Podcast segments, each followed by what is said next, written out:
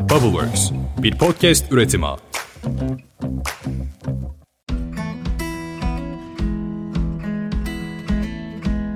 Herkese selam. Ditopik Düşünceler'in yeni bölümüne hoş geldiniz. Ben Dilara. Bu bölümü size lise yıllarımın geçtiği evimdeki odamda kaydediyorum. Ve aslında bu hafta bambaşka bir konudan bahsetmek istemiştim. Ona göre kendimi ayarlamıştım, çalışmalarımı yapmıştım. Açıkçası o da çok güzel bir konuydu. Fakat bu haftamı Trabzon'da geçirince, işte o çocukluk ve ergenlik dönemi eşyalarımı karıştırınca, odamın havasını tekrar soluyunca konuyu değiştirdim değiştirmek istedim. Çünkü bu gelişimde odamı biraz temizledim, kitaplığımı, kütüphanemi biraz arındırdım ve şu anki Dilara olmamı sağlayan koleksiyonlarımı, eşyalarımı keşfettim. Bugün sizinle bizi biz yapan çocukluk anılarımızdan ve eşyalarımızdan bahsedeceğiz.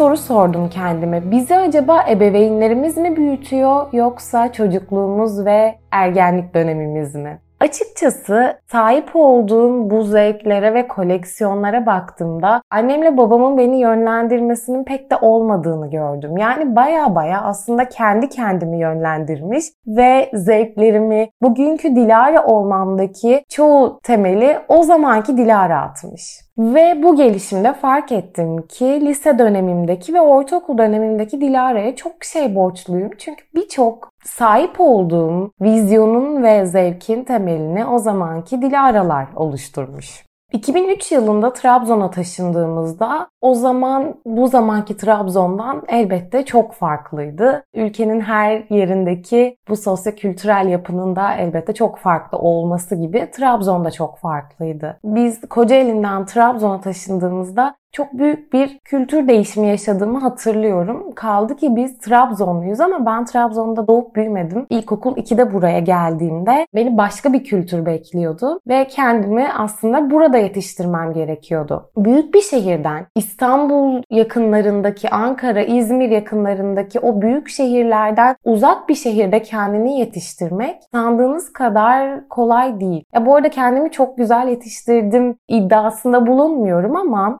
en azından kendimi şu anki yaşadığım kozmopolit hayatın çok da uzağında yetiştirmediğimi fark ediyorum. Bu gelişimde kitaplığımı ve kütüphanemi arındırdım, bayağı bir şeyler attım dedim size. 3 adet koleksiyonumu keşfettim bu temizliği yaparken. Birincisi CD koleksiyonum, ikincisi kitaplarım, üçüncüsü dergi koleksiyonum. Ve bu koleksiyonlarımı şöyle bir kenara aldıktan sonra hangi eşyaları atacağıma baktım. Elime küçüklüğümde uzun bir dönem gitar kursuna gittiğim gitarımın akort cihazı geçti. O kadar duygulandım ki yani çünkü bunun bir sebebi var. 8 yaşında Trabzon'a taşındık. Ciddi bir depresyon dönemine girdim 8 yaşındaki bir çocuk için. Bayağı antidepresan ilaçları kullanmaya ve psikologlara gitmeye başladım. Çünkü çok farklı bir kültür vardı burada. Ve buna adapte olmakta biraz zorluk çektim. Buna adapte olma süreçlerimde de dedik ki ben gitar kursuna gideyim. Annemle babam ne çalmak istersin dediler. Ben de gitar çalmak isterim dedim. Yaklaşık herhalde 10 yaşımdan 15 yaşıma kadar gitar kursuna gittim. Bunun son senesinde elektro gitara geçtim ve elektro gitara geçene kadar da akustik gitar çaldım. Hiçbir zaman kendi akortumu kendim yapamazdım. Her zaman akort cihazımı takardım ve akort cihazıma göre düzgün ve doğru akort alırdım. Akort cihazım elime geçti. Dedim ki ya şimdi bunu saklasam artık gitar çalmıyorum. Gitar çalsam gitarım burada Trabzon'daki evde. Şimdi tutup da onu İstanbul'daki küçücük evime götürecek halim yok. En iyisi ben bunu atayım dedim. Ama gerçekten ondan koparken inanılmaz derecede zorlandım. Çünkü resmen çocukluğumun bir parçası elimde duruyor. Ya saklamanın da ucunun bucağının olmadığını fark ediyorum. Yok dedim Dilara at yani yapacak bir şey yok. Sonra aklıma bu gitar akortunun cihazından o dönemde gitar kursuna gittiğim zamanlarım geldi. Trabzon meydandaydı benim gitar kursum. Adı da konservatuardı. Belki beni gitar hocam dinler. Bilmiyorum. Çok seviyordum onu da. Ama o döneme dair hatırladığım şey şuydu. Yaklaşık 10 yaşımdan 15 yaşıma kadar belki 9 yaşlarında başladım. 10 bile değil. Yani yaklaşık 9 yaşımdan 15 yaşıma kadar her cuma ama her cuma tatile gitmiyorsak hasta değilsem, ciddi bir bahanem yoksa her cuma aksatmadan 5-6 arası o gitar kursuna gittim. O kadar disiplin ve sorumluluk sahibi bir insandım ki onu aksatmak benim için çok büyük bir olay olurdu. O yüzden hiçbir zaman aksatmazdım. Her zaman o hafta hangi partiye çalıştıysak mutlaka çalışıp giderdim. Zaten hep böyle bir öğrenciydim. Mimarlık proje derslerini bilirsiniz. Hayatımda hiçbir mimarlık proje dersini kaçırmadım. Sadece dedemin vefat ettiği o pazartesi dışında Ankara'ya gitmem gerekmişti. O yüzden hayatımda bir kere proje dersine gitmedim. O da dedemin vefatından dolayıydı.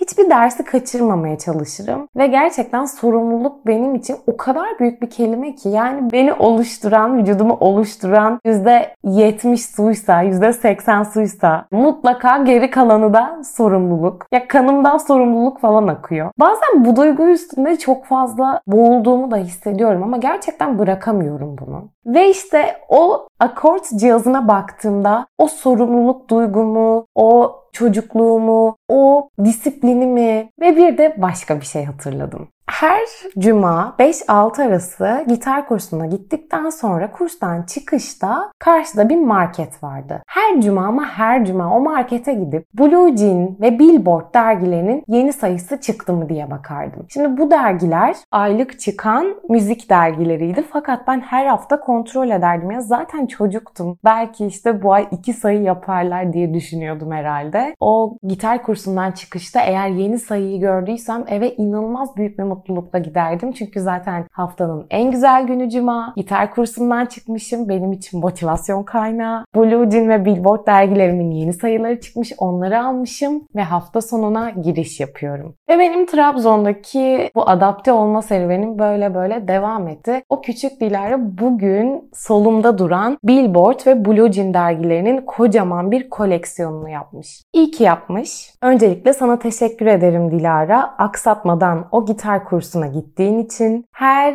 ay kurs çıkışında bu dergileri aldığın için. Çünkü müzik zevkim böyle gelişti. Ben Blue Jean ve Billboard dergilerinden iyi müzik dinlemenin, rock'n'roll'un nasıl bir şey olduğunu öğrendim. Blue Jean biraz daha metal, dediğim gibi rock'n'roll altyapılı bir dergiydi. Zaten Blue Jean'in genel yayın yönetmeni Çağlan Tekil'di. Daha önceleri Go dergisi vardı. Go dergisiyle başlayıp günümüze Blue Jean'i getiren Çağlan Tekil'di. Zaten derginin altında böyle güçlü bir müzik kariyeri olan bir isim olması gerekiyor ki bu kadar güzel, bu kadar güçlü dergiler çıksın. Billboard dergisi de aynı bu şekilde kendini sürdürülebilir bir şekilde götürebiliyordu. Ama sanırım Billboard dergisi 2011 yılında dergi hayatını bitirdi ve dergiyi kapattı. O dönemlerde çok severek takip ettiğim bir de televizyon kanalları vardı. Dream TV ve MTV. Şu an MTV belki hala vardır bilmiyorum. Yani elbette Dream TV de devam ediyor Dream Türkiye olarak sanırım. Ama çocukluğuma dair en güzel parçalar, dergiler ve bu müzik kanallarıydı. Çünkü bu müzik kanalları Dream TV, Blue Jean ve Billboard benim bugünkü müzik zevkimi ortaya çıkaran 3 elementti. Her gün okuldan geldiğimde Dream TV'yi açardım. 3 gibi falan gelirdim okuldan ve Dream TV'de evdeki saat programı olurdu. Evdeki saatte de o dönemde yeni single'larını çıkarmış, albümleri yeni çıkmış bu albümlerin, single'ların, çıkış parçalarının, kliplerinin olduğu, o şarkıların sanatçılarının popüler hallerinin, o kliplerin nasıl çektiklerinin hikayeleri hepsi olurdu. İnanılmaz büyük bir heyecanla izlerdim. Hele bir de dergimi aldıysam o ay dergiyi yalayıp yutardım. Bir de en sevdiğim grupların röportajı varsa benden mutlusu yoktu. Ben çok küçük yaşlarda böyle manganın ve mor ve ötesinin çok ciddi bir fanıydım. O zamanlarda da sosyal medya yok. Grupların fan club'ları var. Yani fan siteleri var. mangafan.com işte mvfanclub.com Ben de bu sitelerde moderatördüm. Şimdi bu sitelerdeki moderatörlük şöyle işliyordu. Eğer siteye yeni giren bir moderatörseniz beginner olarak başlıyordunuz. Orta düzey bir moderatörseniz silver'dınız çok iyi bir moderatör olduysanız artık işte belirli level'ları açıp kapattıysanız gold moderatör oluyordunuz. Moderatörlükte de size bazı görevler yüklenebiliyordu. Eğer goldsanız sayfa açıp kapatabiliyordunuz. Etkinlik düzenleyebiliyordunuz. Mesela işte 3. ayın 3. haftası Yağmur Sarıgül, Manga'nın gitaristi siteye girip sorularımızı cevaplayacak. Aman Allah'ım ne? İşte perşembe günü 8'de sitede olmamız lazım. Site çöküyor falan o sırada. Biz moderatörler olarak müdahale etmeye çalışıyoruz. Yaşım kaç? 12. Neyse. Aynı şekilde Mor ve Ötesi'nin de bu arada fan club'ındaydım ve o o zamanlar MSN vardı. Böyle moderatör abilerimiz, ablalarımız oluyordu. İşte lütfen beni de moderatör yapın. Ne yapmam gerekiyor? Sayfa açıp kapatmak, etkinlik düzenlemek istiyorum. Harun Tekin'in geldi bir etkinliği ben düzenlemek istiyorum. Yine yaşım kaç? 13.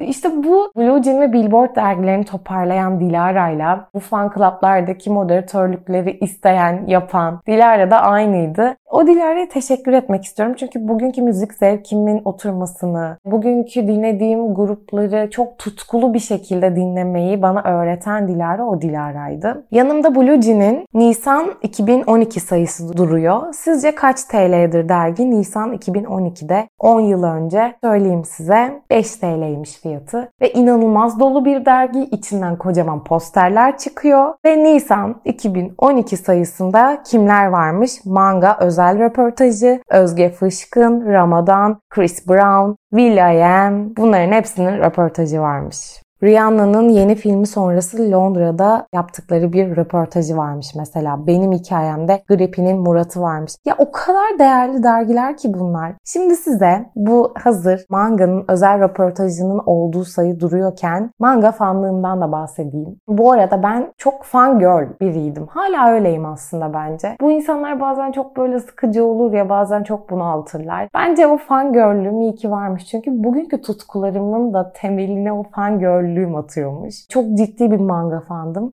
2010 yılında Eurovision'a gitmeden önce onlar böyle Ekim-Kasım aylarıydı. Yok yani Ekim-Kasım ayı zaten açıklanmamış oluyor. Ocak'ta Eurovision'a gidecek isim açıklanıyor. Mayıs'ta Eurovizyon var. Muhtemelen Şubat ayı falandı. Manga Türkiye turnesine çıkacak. Açıklandı Türkiye turnesi fakat şehirler arasında Trabzon yok. Yıkıldım yani yıkıldım. Çok üzgünüm. 14 yaşındayım. Babama gittim dedim ki baba manganın Türkiye turnesi açıklandı. İçinde Trabzon yok. Çok üzgünüm. E Dilara lütfen seninle Samsun'a gidebilir miyiz? Neco Gazinosu'nda Manga'nın konseri varmış. En yakın Samsun var çünkü. Babam da yani bilemiyorum tarih ne falan diye sordu muhtemelen. Ve bir şekilde babamı ikna ettim. Samsun'da bir gece otel ayarladık ve Samsun'daki Manga konserine bilet aldık. Bir günlüğüne Samsun'a gittik. Önce böyle otelimize yerleştik babamla. Dediğim gibi 14 yaşındayım. Çok heyecanlıyım. Üzerimde Manga'nın tişörtü var. O zaman Manga Fan Club olarak böyle bir tişört de yaptırmıştı Manga.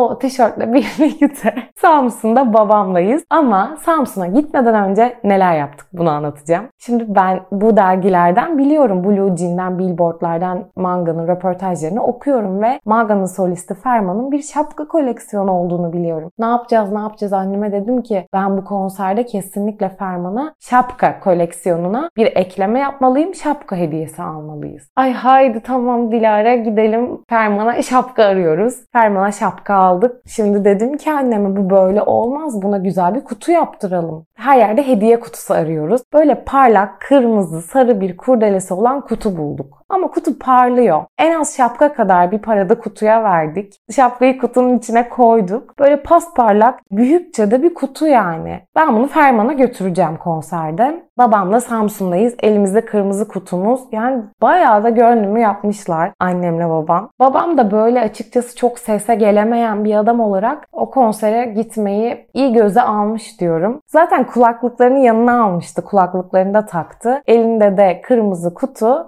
biz Neco Gazinosu'nda manga konserinin sırasındayız. Çok heyecanlıyım. Üzerimde manga tişörtüm. İşte onlara dair her şeyi biliyoruz. Çünkü Blue Jean'leri, Billboard'ları okuyoruz falan. Bir de onların dinlediği müzik gruplarını da sorarlardı röportajlarda. Yani aynı zamanda işte Radiohead'leri, Coldplay'leri, e, Green Day'leri, Metallica'ları, Tres Paresis, William'ları bu röportajlardaki konuşmalardan öğrendik ve o zamanki müzik kültürümüz böyle böyle oturdu. Neyse sonra konser çok güzeldi. Konser bitti. Babam da böyle uzunca bir adam. Baba dedim nasıl vereceğiz hediyeyi? İşte Cem'e gösterdi hediyeyi. Cem dedi ki atın abi. Biz kutuyu fırlattık sahneye. Tuttular işte açtılar. Okey güzel falan yaptılar. Özgür de bagetleri bize attı. Babam da bagetlerini tuttu. Hadi iyisin dedi bagetleri de kaptın. Baba dedim bir dakika böyle bitemez bu. Kulise girmemiz lazım.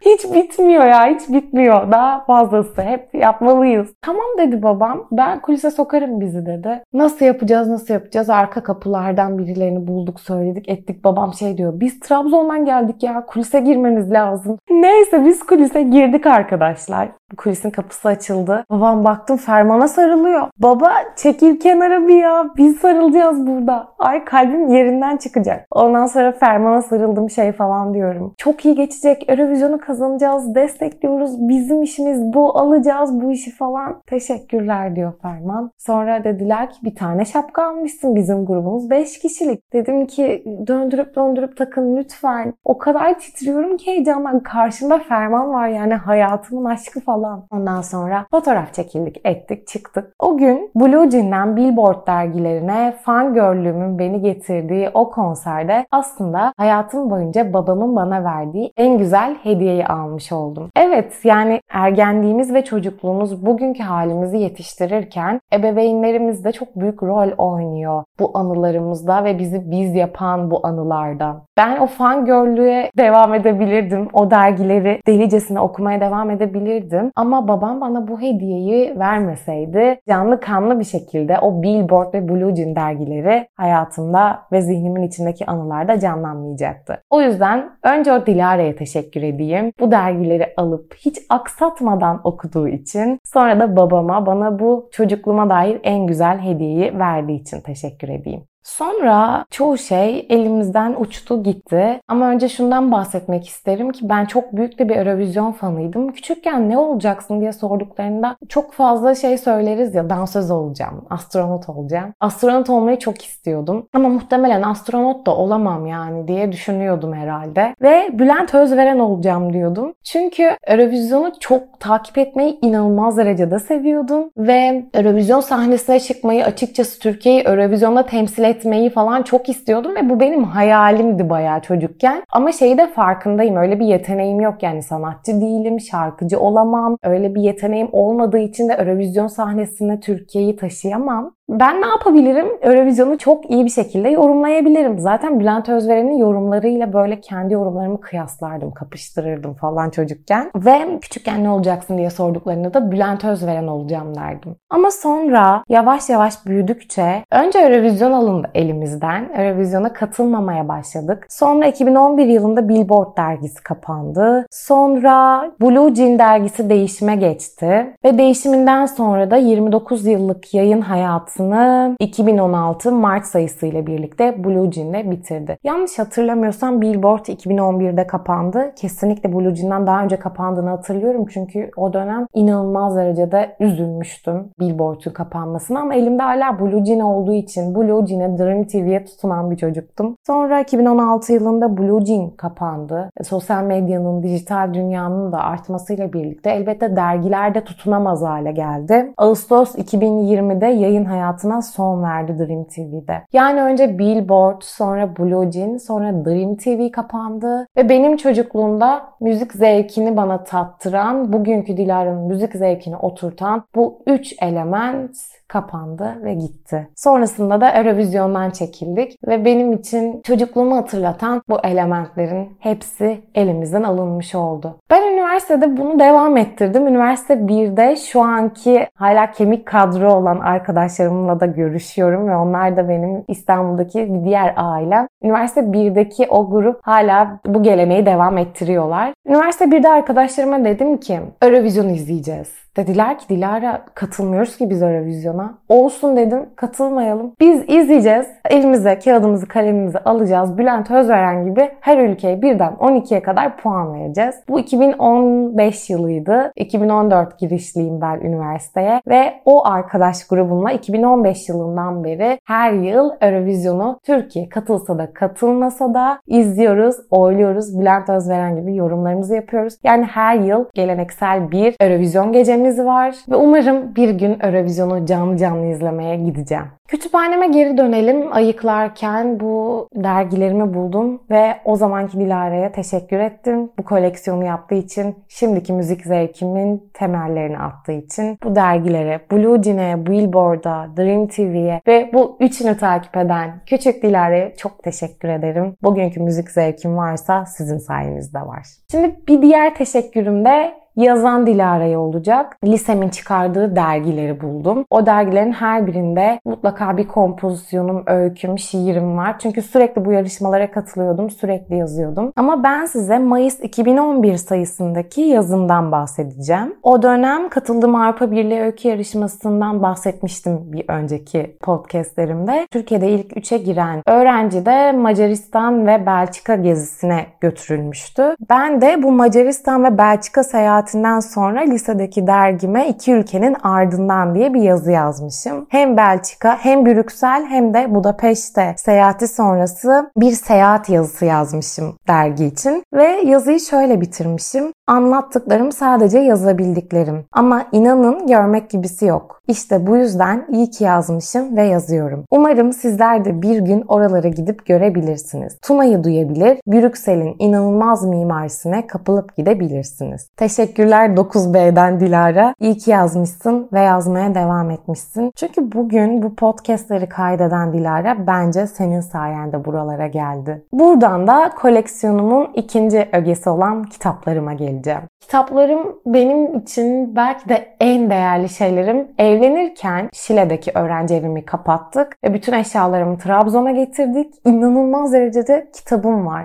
bir yıl sonra da evlendim ve evlenirken de dedim ki ben bu kitapları kesinlikle salondaki kütüphaneme götürmeliyim. Trabzon o kadar uzak bir şehir ki böyle toplayıp bütün eşyalarınızı götürmeniz çok zor. Ve İstanbul'daki evimin kitaplığına çok küçük bir bölümünü götürmüşüm. Şimdi buradaki kitaplarıma baktım çatı arasındakilere, benim kütüphanemdekilere. Şey diyorum kendime 5 kitap hakkı vereyim ve bu kitaplarımı sadece götürebileyim İstanbul'daki evime. Bakıyorum hani mümkün değil seçemiyorum düşünüyorum. Bu kitaplarımın arasında çok fazla klasikler var. Alan de Botton'ın kitapları var. Bunların hepsini götürmek istiyorum ama hepsini götürsem hepsi ayrı bir valiz olur. Bir diğer teşekkürüm de bu kitapları okuyan Dilara'ya olacak. Yine senin sayende bence buralardaysam bu kitapları okuyan Dilara sayesinde.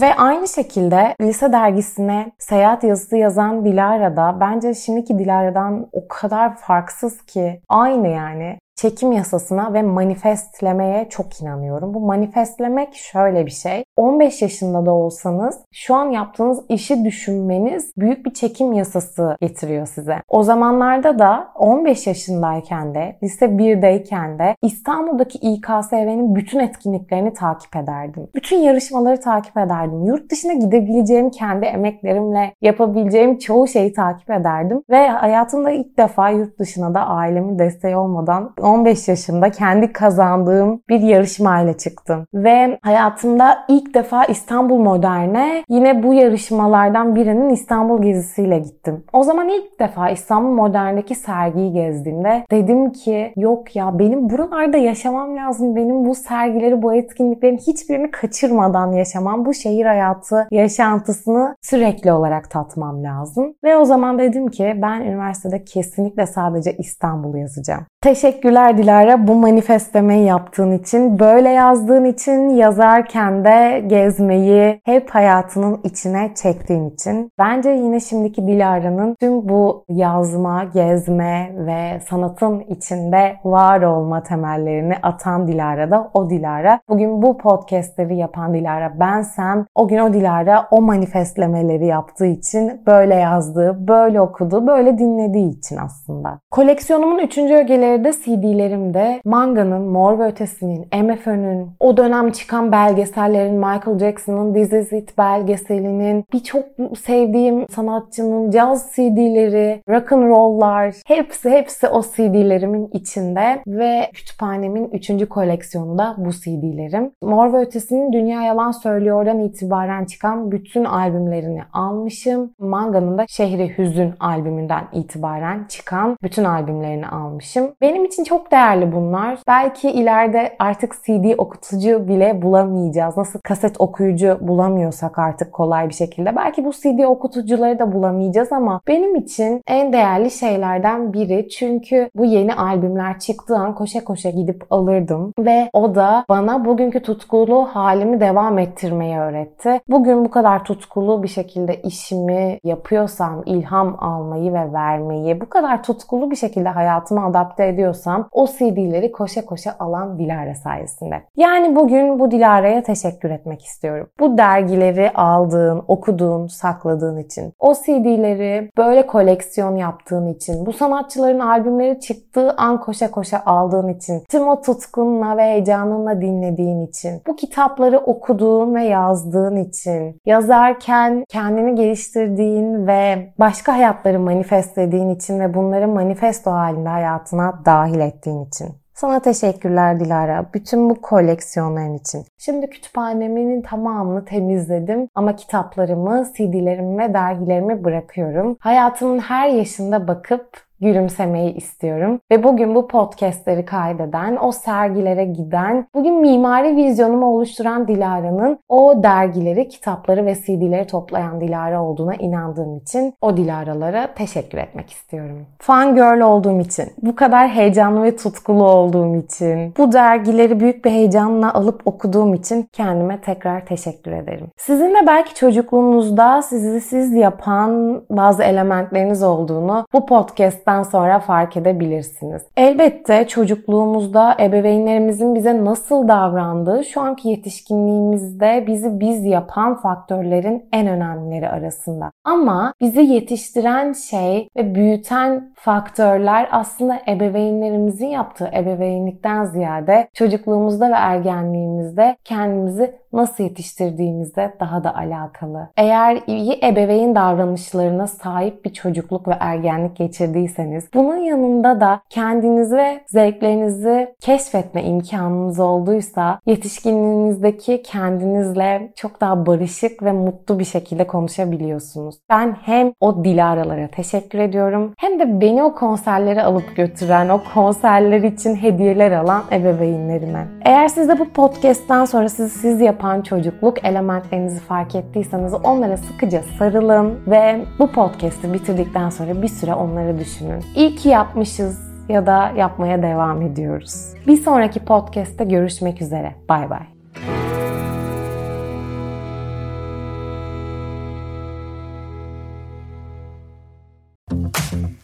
Bubbleworks bir podcast üretimi.